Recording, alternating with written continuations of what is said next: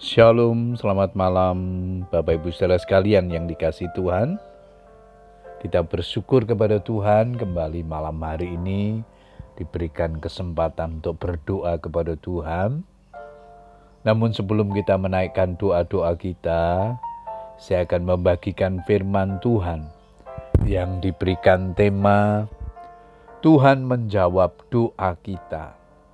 Ayat mas kita di Lukas 18 ayat yang ketujuh. Tidakkah Allah membenarkan orang-orang pilihannya yang siang malam berseru kepadanya? Menjadi sabar dan tidak berputus asa sering kali susah dilakukan ketika seseorang menunggu jawaban sebuah doa. Oleh karenanya Tuhan Yesus mengajarkan kita untuk berdoa terus-menerus. Yesus mengatakan suatu perumpamaan kepada mereka untuk menegaskan bahwa mereka harus selalu berdoa dengan tidak jemu-jemu. Kita harus berdoa setiap hari dan setiap saat, karena jika tidak demikian, kita tidak akan menikmati persekutuan yang harmonis dengan Tuhan. Namun kenyataannya yang terjadi justru sebaliknya. Kita sering kali menjadi kecewa dan berkecil hati, lalu tidak lagi tekun berdoa. Kita biarkan hari-hari kita berlalu tanpa doa, sebab kita berpikir bahwa doa tidak akan didengar oleh Bapa di surga.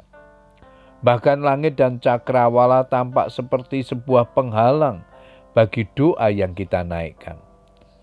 Tetapi yang Tuhan Yesus inginkan bagi kita adalah kita tetap berdoa meskipun belum ada hasil dari doa yang dipanjatkan. Kepada jemaat di Tesalonika, Rasul Paulus juga menasehati, tetaplah berdoa. Bapak Ibu Saudara sekalian, menyerahkan hidup ke dalam tangan Tuhan Yesus tidak hanya membuat Tuhan di surga mendengar doa kita, tetapi ia juga akan menjawabnya. Tidakkah Allah akan membenarkan orang-orang pilihannya yang siang malam berseru kepadanya? Dan adakah ia mengulur-ngulur waktu sebelum menolong mereka? Tuhan tidak pernah menunda-nunda untuk menjawab doa-doa kita, karena Dia tahu apa yang terbaik bagi kita. Kita harus belajar untuk memahami bahwa waktu kita bukanlah waktu Tuhan. Tapi kita pun harus percaya bahwa Ia membuat segala sesuatu indah pada waktunya. Pengkhotbah 3 ayat yang ke-11. Sebenarnya apa yang kita perlukan sudah disediakan, namun akan diberikan sesuai dengan waktu Tuhan.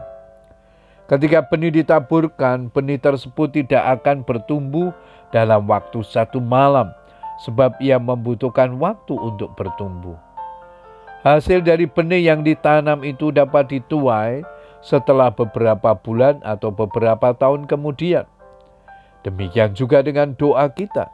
Kadang-kala kita harus berdoa dalam kurun waktu yang lama sampai tiba waktunya untuk menerima hasil doa tersebut. Janganlah pernah berkecil hati dan putus asa Demikian kata Tuhan Yesus.